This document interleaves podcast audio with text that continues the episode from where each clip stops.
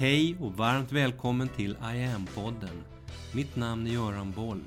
Här kommer jag varje vecka att presentera, utveckla tankar kring och polera på en ny facett av denna märkliga, mäktiga ädelsten vi kallar yoga.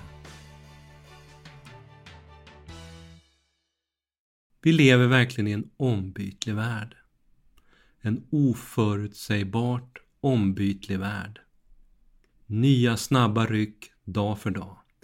Pandemi, krig, plötsligt NATO-medlemskap på G. En inflationstakt vi inte sett maken till sedan början på 90-talet. Klimatförändringar med 50 grader varmt i Indien. Förändringar som nu verkar accelerera på grund av Ukraina-kriget. Det händer mycket och det går fort i kurvorna. Det är verkligen inte helt lätt att stå stadigt i dagens värld. Det är som om en tioåring snott nycklarna till snabbaste Formel 1-bilen och kör på så det ryker i kurvorna både i Sibirien och i Amazonas. Apropå tioåringar. När jag nyligen ledde, tänkte jag säga, när jag nyligen läste en forskningsartikel så föll en del bitar på plats i mig.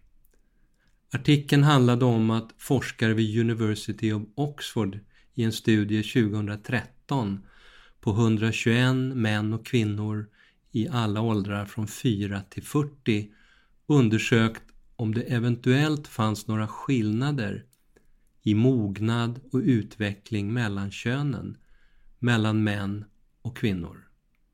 Och det fanns det. Och, lyssna noga, det var stora skillnader. Övergripande så drog forskarna slutsatserna att hjärnans mognad principiellt, oavsett kön, kännetecknas av en långvarig utveckling av olika funktionella respektive strukturella nätverk i hjärnan. En utveckling som pågår ända upp i vuxen ålder. Forskarna såg att både mäns och kvinnors hjärnor i slutändan utvecklar samma grundläggande förmågor att fungera i det vardagliga livet. Men att männen ofta uppvisar en försening i den långvariga utvecklingen av sina funktionella nätverk jämfört med kvinnor. Och att det här är en utveckling som kan fortgå ända upp i 40-årsåldern. På vanlig svenska, en del män blir helt enkelt inte vuxna förrän efter 40. Du hittar en länk till studien i IAMs Facebookinlägg 19 maj, det som gör reklam för just det här poddavsnittet. När jag följer nyheterna både i Sverige och internationellt så slår mig likheterna med smågrabbarnas herre på täppan-lekar som jag minns från rasterna i skolan på låg och mellanstadiet. Idag samma små fjärtar på insidan, nu med blanka kostymer och coola uniformer på utsidan. Världen styrs bokstavligt talat av omogna skitungar som låtsas att de kan något. Inte undra på att det ser ut som det gör överallt. Ett ljus i det här ökenmörkret det är att parallellt med galenskaperna så är de mångtusenåriga visdomstraditionerna och holistiska disciplinernas position idag inte bara stabila, de växer i styrka och popularitet år för år. Vi behöver bara gå tillbaka ett par årtionden till 1990-talet så hade nästan inga i Sverige varken prövat eller knappt ens hört talas om yogameditation. Idag så utövar cirka en miljon människor i Sverige yoga som ligger på tio topplistan över det som svenska folket helst vill träna. Bland annat för att den är så stabiliserande på alla nivåer.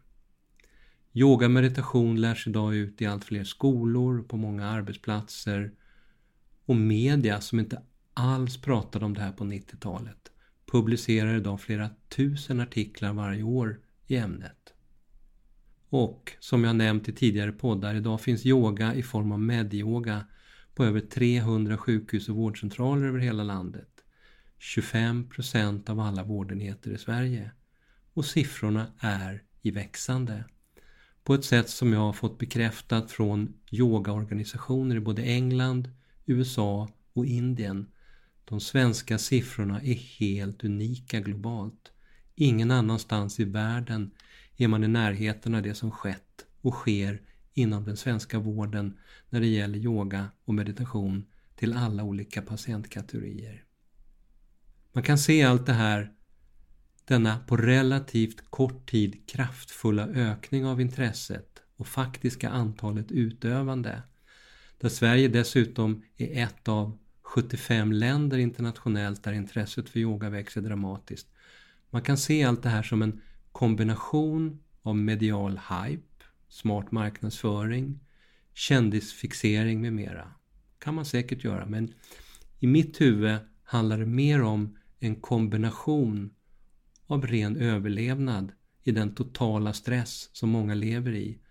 Där yoga och meditation om och om igen har visat sig ytterst effektiva för att skapa lugn i kombination med ett underliggande existentiellt andligt behov som dagens arbetsliv, medias kändishets, TVs alla dokusåpor och infantilt tramsiga lekprogram för vuxna inte på långa vägar förmår fylla.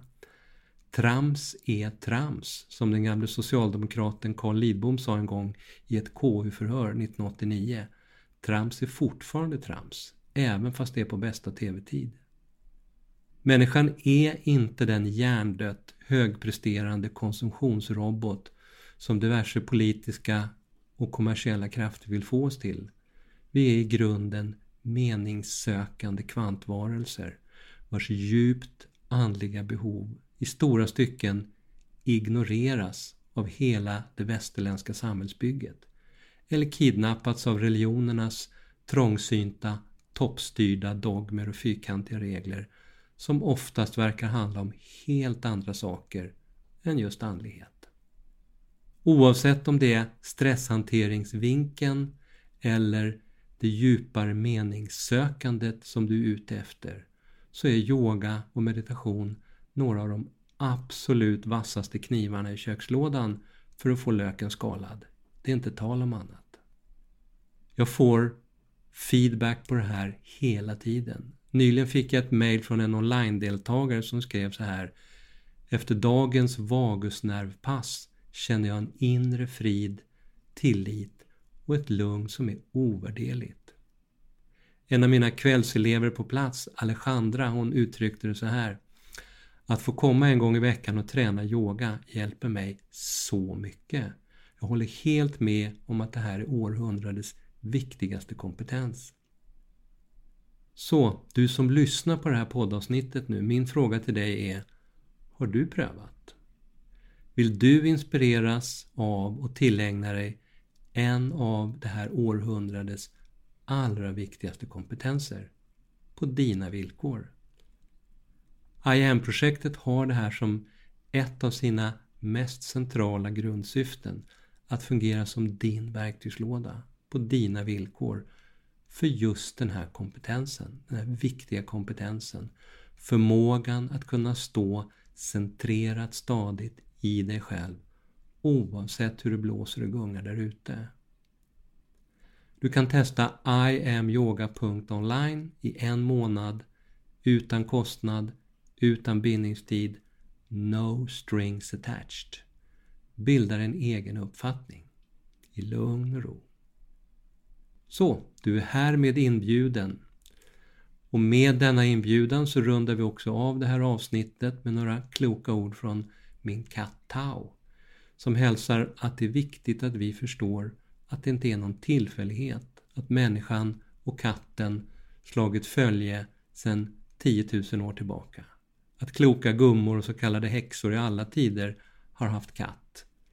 Eller att katten i gamla Egypten hade gudastatus med egna tempel. Och att ta livet av en katt där var belagt med dödsstraff. Tao vill med det här låta mig förstå att jag är första assistent till en rent gudomlig varelse. Bara så att jag vet det. Hälsar Tao. Så nu vet jag det och säger Tack för idag. Vi hörs. Mitt namn är Göran Boll. Det var jag som skapade Medyoga och grundade Medyoga-institutet. Sedan 90-talet och framåt har jag introducerat yoga i näringslivet, in i svensk forskning och in i den svenska hälso och sjukvården där Sverige idag är världsledande på yoga direkt för patienter. Framtiden för mig handlar om I am. Yoga för medvetenhet och hälsa. Läs mer om kurser, online-träning, utbildningar med mera på hemsidan iamyoga.online. Följ oss gärna på sociala medier och tycker du om de här poddarna så tar jag tacksamt emot om du vill gå in på iTunes, Spotify och där poddar finns och ge mig ett betyg så vi blir fler som hittar in i yogans värld. Tack för att du lyssnar och delar.